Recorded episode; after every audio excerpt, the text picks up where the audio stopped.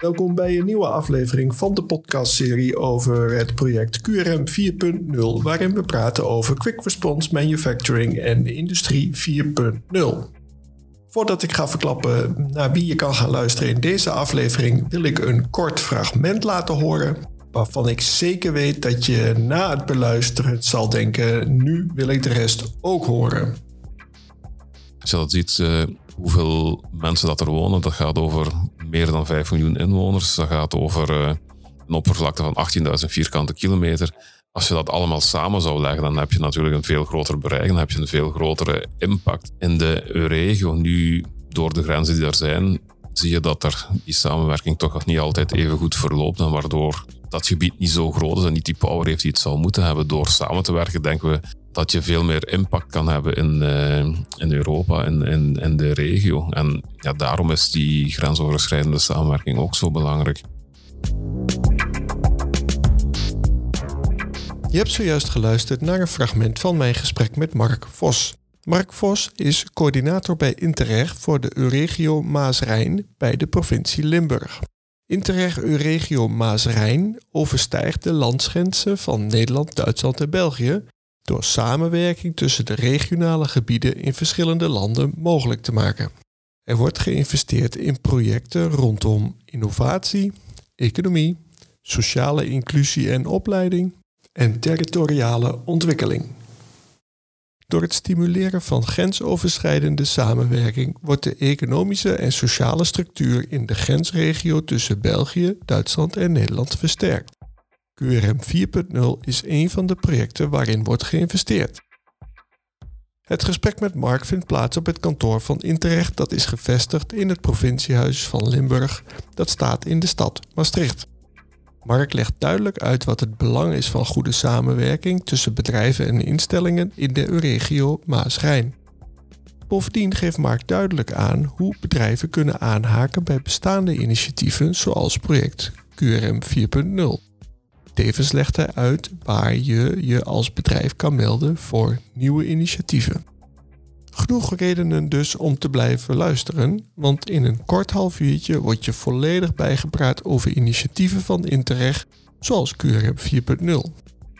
Deze aflevering is daardoor lekker compact en concreet. Kijk, daar hou ik van. Mijn naam is Ronald Scheer en ik wens je veel plezier bij het luisteren naar mijn gesprek met Mark Vos.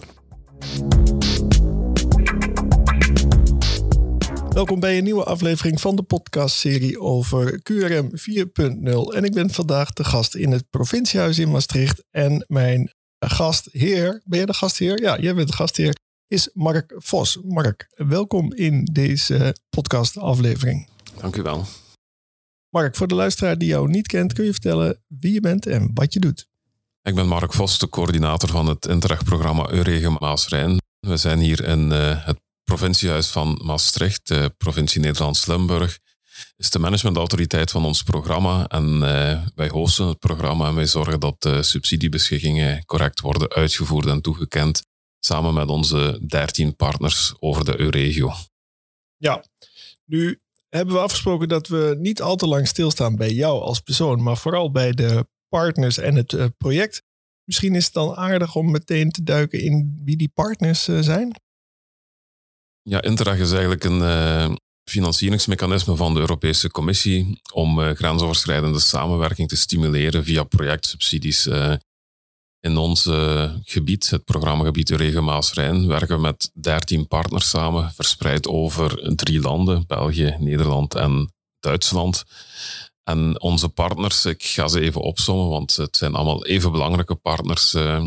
De partners zijn Federatie Wallonie-Bruxelles, eh, de provincie Luik, het ministerie van Economische Zaken en Klimaat in Nederland, uh, Wallonië, provincies Belgisch en Nederlands, Limburg.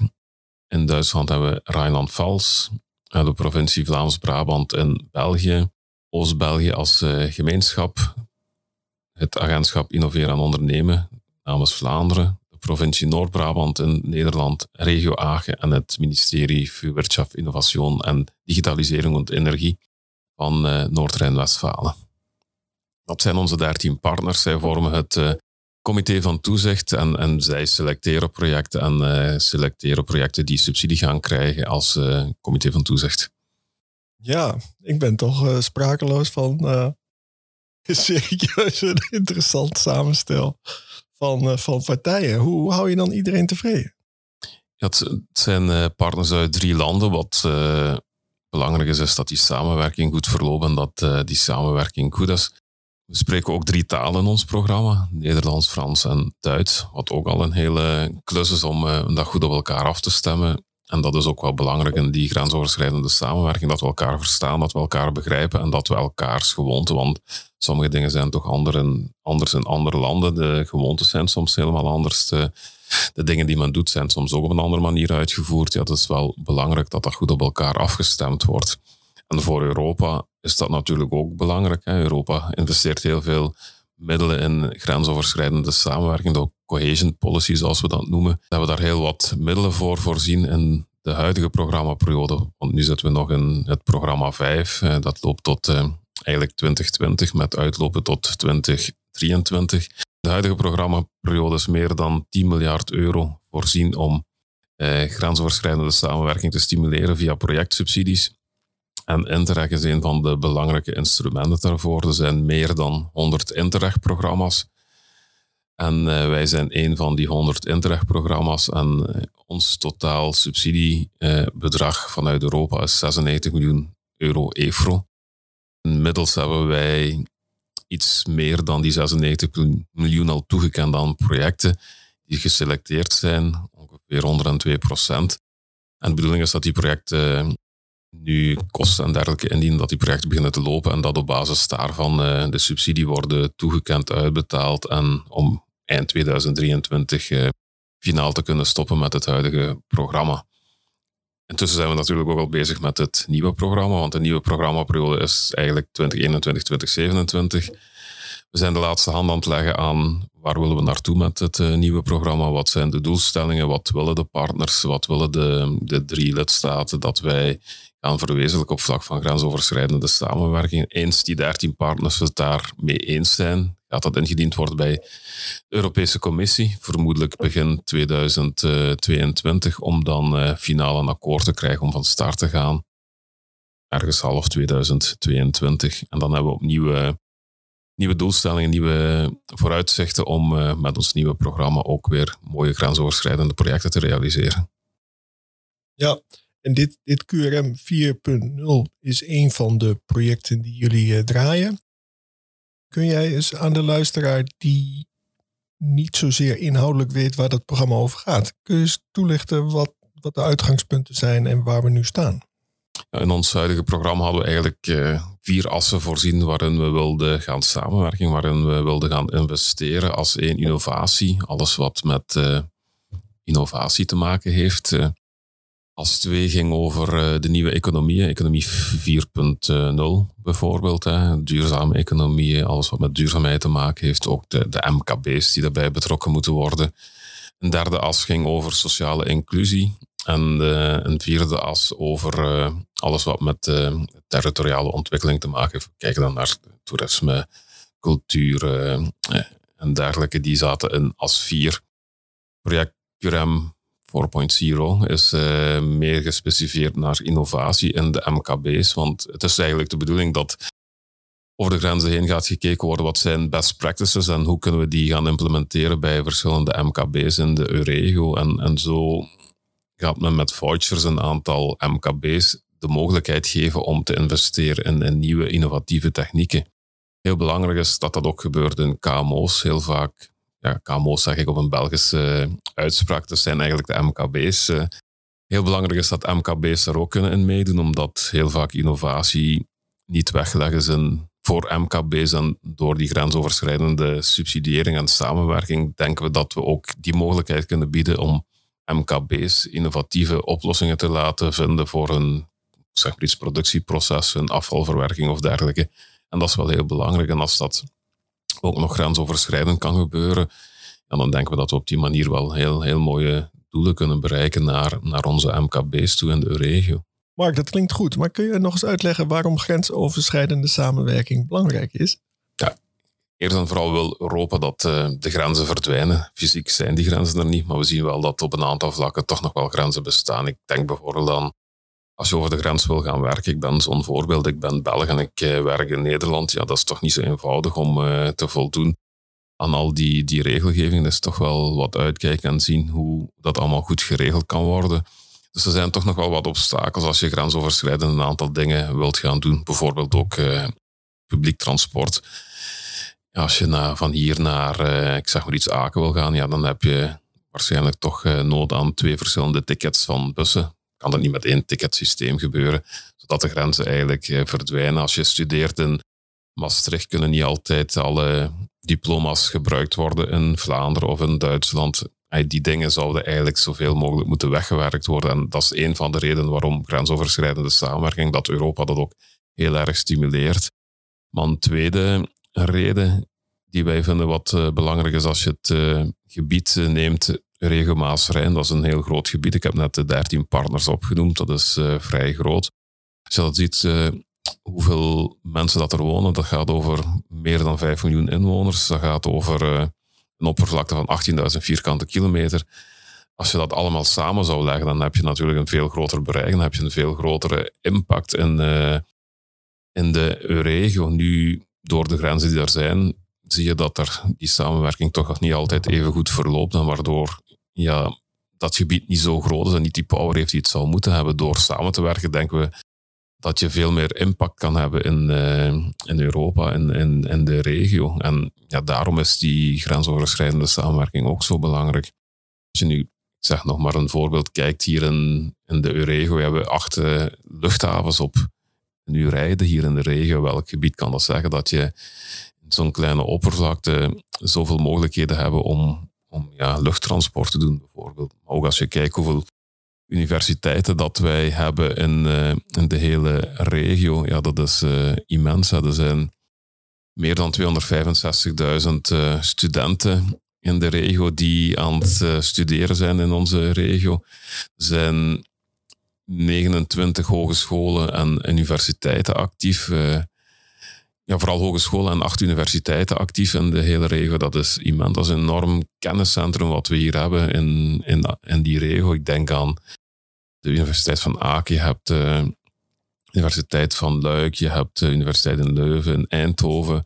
Je hebt een aantal campussen, de Corda campus, Brightland campus hier in uh, Nederlands Limburg. Dat zijn allemaal heel belangrijke innovatieve centra, innovatieve kenniscentra. En als je die zou kunnen laten samenwerken zonder die grenzen, ja, dan denk ik dat we veel meer kunnen bereiken dan dat uh, nu het geval is. Maar ook als je Kijk, eh, op vlak van economie, het bruto nationaal product bijvoorbeeld van de volledige regio, dat gaat over meer dan 180 miljard. Dat is, dat is ook immens. Er zijn meer dan 400.000 uh, arbeidsplaatsen in, in deze regio. Ja, dat zijn gigantische cijfers. En door dat te versnipperen met de grenzen, kan je die power daar niet uithalen. En wij denken nog door grensoverschrijdend samen te werken dat dat uh, een enorme boost zou kunnen geven. Ja, zo, zo had ik er nooit naar gekeken. Nee. Nee. En, ja, hier zijn nog wat, wat getalletjes wat, wat er allemaal te beleven valt in, in, in onze omgeving. Qua overnachting in de hele regio, het gaat over bijna 20 miljoen overnachtingen die we hier hebben. Toeristen is dat enorme impact. Je hebt uh, belangrijke beurzen als de TEFAF, dat is een van de meest bekende kunstbeurzen in, uh, in de wereld. Speelt hier af. Je hebt meer dan 300 musea in het hele gebied. We hebben meer dan 100 uh, eh, allerlei festivals, kunstenfestivals, theaterfestivals, muziekfestivals in de regio. Voor de mensen die graag eten, meer dan 50 restaurants met een Michelinster. Ja, culinair is dat ook al iets te betekenen zo, zo kunnen we doorgaan. Die, die regio heeft wel iets aan, nogmaals, door grenzen weg te denken en, en die te laten vervagen door allerlei projecten van samenwerking, kunnen we dat nog op een hoger niveau gaan brengen. En dat is eigenlijk de bedoeling van, van ons programma, maar ook van, van Europa. Ja. En bedrijven die nu dit horen en denken, hé, hey, daar, daar wil ik wel deel van uitmaken, van die kennis uitwisseling van, die, van het. Uh, ze kunnen wat halen en ze kunnen wat brengen. Kun je voor de luisteraar die nu meteen in de pen wil klimmen, vertellen waar ze dan contact uh, kunnen zoeken? kan op twee manieren. Er zijn een aantal projecten goedgekeurd, zoals uh, QRM 4.0, waar uh, bedrijven terecht kunnen om via vouchers een aantal mogelijkheden te kunnen opstarten. Dat is één, maar als project of bedrijven zelf een aantal dingen willen doen, ja, dan kunnen ze ook naar het uh, Interreg programma starten waar een aantal mogelijkheden kunnen verkend worden. En daarvoor hebben we in het hele gebied onze collega's regionale antennes dus in elke regio hebben we zo'n contactpersoon die eigenlijk het eerste aanspreekpunt is om mogelijke projecten te initiëren, maar ook uh, projecten aan projectpartners aan elkaar te verbinden over de grenzen heen. Zo hebben we iemand in uh, Maastricht, uh, Anna Ozoreva, is onze contactpersoon in Maastricht voor Nederlands-Limburg. We hebben Stefan Baars in de regio Aken. We hebben Axel Noël en Christina Jors in Luik als contactpunt en Frederik Loy in Hasselt zijn eigenlijk onze contactpunten door de regio uit. En als mensen vragen hebben en, en willen zien wat zijn de mogelijkheden voor mij om een project op te starten, welke kansen zijn er, ja, dan moeten zij zeker contact opnemen met, uh, met die mensen. Die zijn ook te vinden op onze website. Staan alle contactpunten. En ja, zeker doen als er interesse is en als er uh, mogelijkheden willen verkend worden die regionale antennes, onze collega's gaan zeker heel goed begeleiden om te zien wat mogelijk is en, en waar de kansen liggen voor die bedrijven. Ja, je mag uh, de, de naam van de website noemen, reclame maken mag in deze podcastserie. En voor de mensen die meer info willen, uiteraard is onze website beschikbaar op uh, eh, www.interreg.emr.eu. Dus daar zeker naartoe surfen voor meer informatie, voor onze contactpunten. En we gaan u zeker kunnen verder helpen indien dat uh, nodig zou zijn. Top. Je hebt nu wat verteld over de huidige programma's en je hebt heel kort genoemd dat uh, binnenkort nieuwe programma's gaan starten. Kan je daar eens wat meer over vertellen? Ja, zoals ik zei, we zijn bezig met uh, de laatste hand te leggen aan het nieuwe programma. Dat zal van start gaan volgend jaar. En daar hebben we eigenlijk samen met de 13 partners gekozen om ons uh, te focussen op vijf grote thema's industriële transitie is een van de thema's. Dan naar een groene samenleving. Uiteraard heel belangrijk. Hè? Alles wat met klimaat en climate change te maken heeft, eh, kunnen we niet wegdenken. Maar ook gezonder burgers. In het kader van COVID denk, denken we dat het heel belangrijk is om ook in te zetten op die gezondheid. We hebben in het huidige programma als een van de weinige Interreg-programma's een speciale COVID-call gedaan om uh, partners te ondersteunen bij de strijd tegen de COVID. Eh, en ja, dan hebben we toch vijf eh, projecten geselecteerd die heel snel hebben ingezet op een aantal COVID-issues die toen speelden, waar we heel blij mee zijn. Maar ook een vierde pijler waar we gaan op inzetten is toerisme in een, een kwaliteitsvolle omgeving. Hoe kunnen we meer inzetten op toerisme? Ik zei al net meer dan 20 miljoen overnachting, wat heel veel is, maar we willen ook nog daar inzetten op een ja, betere kwaliteit. En uh, hoe kan je leven en werken in de Eurego zonder grenzen? Dat is het, het, vijfde item, wat ook wel heel belangrijk is. De governance van, van de Eurego. Hoe kunnen we die grenzen nog meer laten verdwijnen? Als het gaat over de werkstelling, als het gaat over educatie, als het gaat over uh, uh, grensoverschrijdend gaan werken of werk zoeken. dat zijn dingen die wel heel belangrijk zijn om, om daar ook die grenzen, de fysieke grenzen die er toch nog wel eens een beetje zijn, om die te kunnen wegwerken. Dat zijn de, de vijf nieuwe thema's. En uh, ja, we hopen dat we vanaf midden 2022 een nieuwe call kunnen gaan doen om al nieuwe projecten op te roepen in het nieuwe programma dat volgend jaar van start zal gaan. Dit was een soort highlight uh, met, een, met een blik op de toekomst. Um, als ik nou kijk naar de, de inhoud van QRM 4.0 nu en die vouchers en de bedrijven. Ik weet, we nemen dit op in september 21. Dus iemand die, die dit over een jaar pas hoort, dan kan ik zeggen dat de foutjes waarschijnlijk niet meer beschikbaar zijn. Maar ik weet dat op dit moment zijn er nog foutjes beschikbaar voor, voor Nederland. Ik kan me voorstellen dat je daar niet dagelijks aan de knoppen meekijkt. Klopt dat? Dat ik dus die vraag eigenlijk niet aan jou moet stellen? Nee, dat is eigenlijk niet voor mij. Het QRM-programma wordt uh, beheerd door een leadpartners, de, de verantwoordelijke partners, samen met uh, nog een aantal andere partners. En zij zijn eigenlijk verantwoordelijk voor uh, de uitvoering van dat project, voor de opvolging van dat project. En onze projectmanager, die dat volgt, Maitena Iglesias, zij is verantwoordelijk voor de inhoudelijke opvolging binnen ons programma. Het leadpartner rapporteert ook bij haar om te zeggen hoe ver staan we, wat is er gebeurd. En eh, wat zijn nog de dingen die we moeten realiseren om onze doelstellingen, die vooraf zijn vastgelegd in de projectfiche, op basis waarvan het comité van toezicht het project heeft geselecteerd, om te zien of uh, die doelstellingen bereikt worden, moeten bijgestuurd worden en, en zijn er nog mogelijkheden naar de toekomst toe. En wat ook wel belangrijk is en waar we ook altijd naar kijken, is uh, ja, wat is de duurzaamheid? Stel dat die driejarige periode van de financiering afgelopen is, stopt het dan? Of zijn er nog dingen die dan voorgaan? Het zou wel heel belangrijk zijn dat dat project ook nog een stuk op zichzelf zou kunnen verder draaien. Dat een aantal best practices die eruit gaan komen, dat die ook nog kunnen verder gezet worden zonder die financiering van uh, Interreg. Omdat Interreg-subsidiëring is eigenlijk een projectsubsidiëring om dingen te stimuleren. Met de bedoeling dat het op termijn wel op zichzelf kan leven en op zichzelf verder gezet wordt. Dus wij hopen dat op een of andere manier die vouchers toch nog kunnen doorgezet worden, dat er toch nog best practices kunnen doorgegeven worden en dat de MKB's uit uh, Eurego toch nog bij een instantie terecht gaan kunnen om, om, om die dingen mee op te volgen en mee in te zetten en eventueel goed advies te krijgen van hoe, hoe kan ik mijn productieproces gaan verbeteren of innoveren of nog beter maken. Want heel veel KMO's doen dat, of MKB's, ik zeg het altijd verkeerd in Belgische inval. Heel veel MKB's doen natuurlijk heel, heel veel goede zaken. En ja, door die ondersteuning denken we dat we dat nog op een ander niveau kunnen gaan krijgen. Ja, het feit dat je zegt KMO is niet verkeerd, want we hebben ook luisteraars in België. Maar dat we MKO en MKB, dat dat hetzelfde betekent, is wel handig dat je dat, uh, dat, je dat noemt. Misschien is het leuk voor de luisteraar dat je wat vertelt over het team waarin jij functioneert. Ja, het team bestaat eigenlijk, we hebben eigenlijk een heel internationaal team. Zoals het programma ook internationaal is, hebben we ook een heel internationaal team. En de bedoeling van ons team als managementautoriteit en beheersorgaan van het Interreg-programma, onder leiding van het comité van toezicht, de 13 partners, zoals ik al gezegd heb. Ook de Europese Commissie kijkt mee, de auditdienst van het Rijk kijkt mee.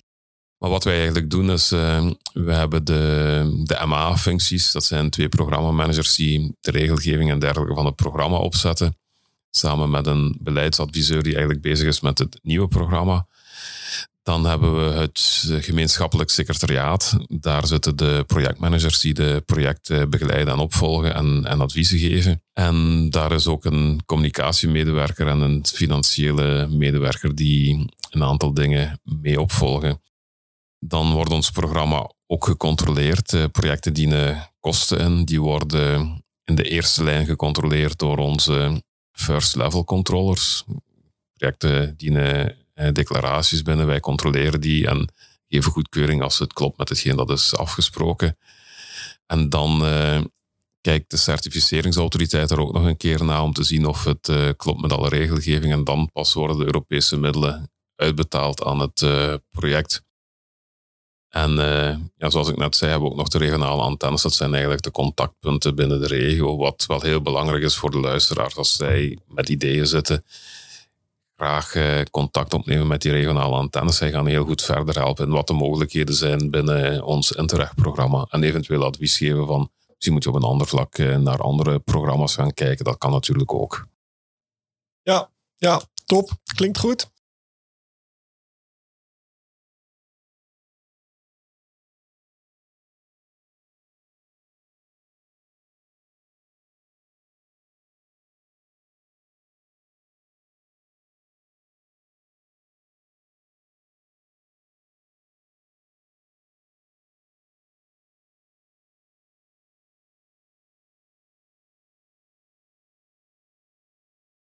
Als het gaat over het project QRM 4.0, wie denk jij dat een interessante gast kan zijn aan mijn tafel? Ik zou zeggen, iemand die een voucher of een MKB-eigenaar die een voucher heeft ontvangen. Ik zou het heel leuk vinden, moesten jullie zo iemand eens aan het woord laten om te aan te tonen wat kan je doen met zo'n voucher en wat zijn de voordelen van zo'n voucher en hoe eenvoudig is het om via QRM eh, zo'n begeleiding te kunnen krijgen. Want ay, dat, gaat toch over redelijk wat geld waarmee heel wat innovatie kan te, teweeggebracht worden binnen een KMO. En je kan zelfs mee gaan kijken over de grens, hoe, hoe de collega's over de grens het gaan doen. Want ja, de grens is er wel, maar heel veel leuke ideeën zitten ook net over de grens die we niet kennen, omdat we soms ook niet over de grens gaan kijken. Dus ik zou het heel leuk vinden moest een van de ontvangers van een voucher daar wat uitleg over geven. Oké, en daarmee zijn we aan het einde gekomen van mijn gesprek met Mark Vos. Dank Mark voor jouw bijdrage aan dit gesprek. Graag gedaan, het was heel leuk. En voor de luisteraars geldt, vergeet niet om je te abonneren op deze podcastserie, want binnenkort staat er weer een nieuwe aflevering voor je klaar. Graag tot dan.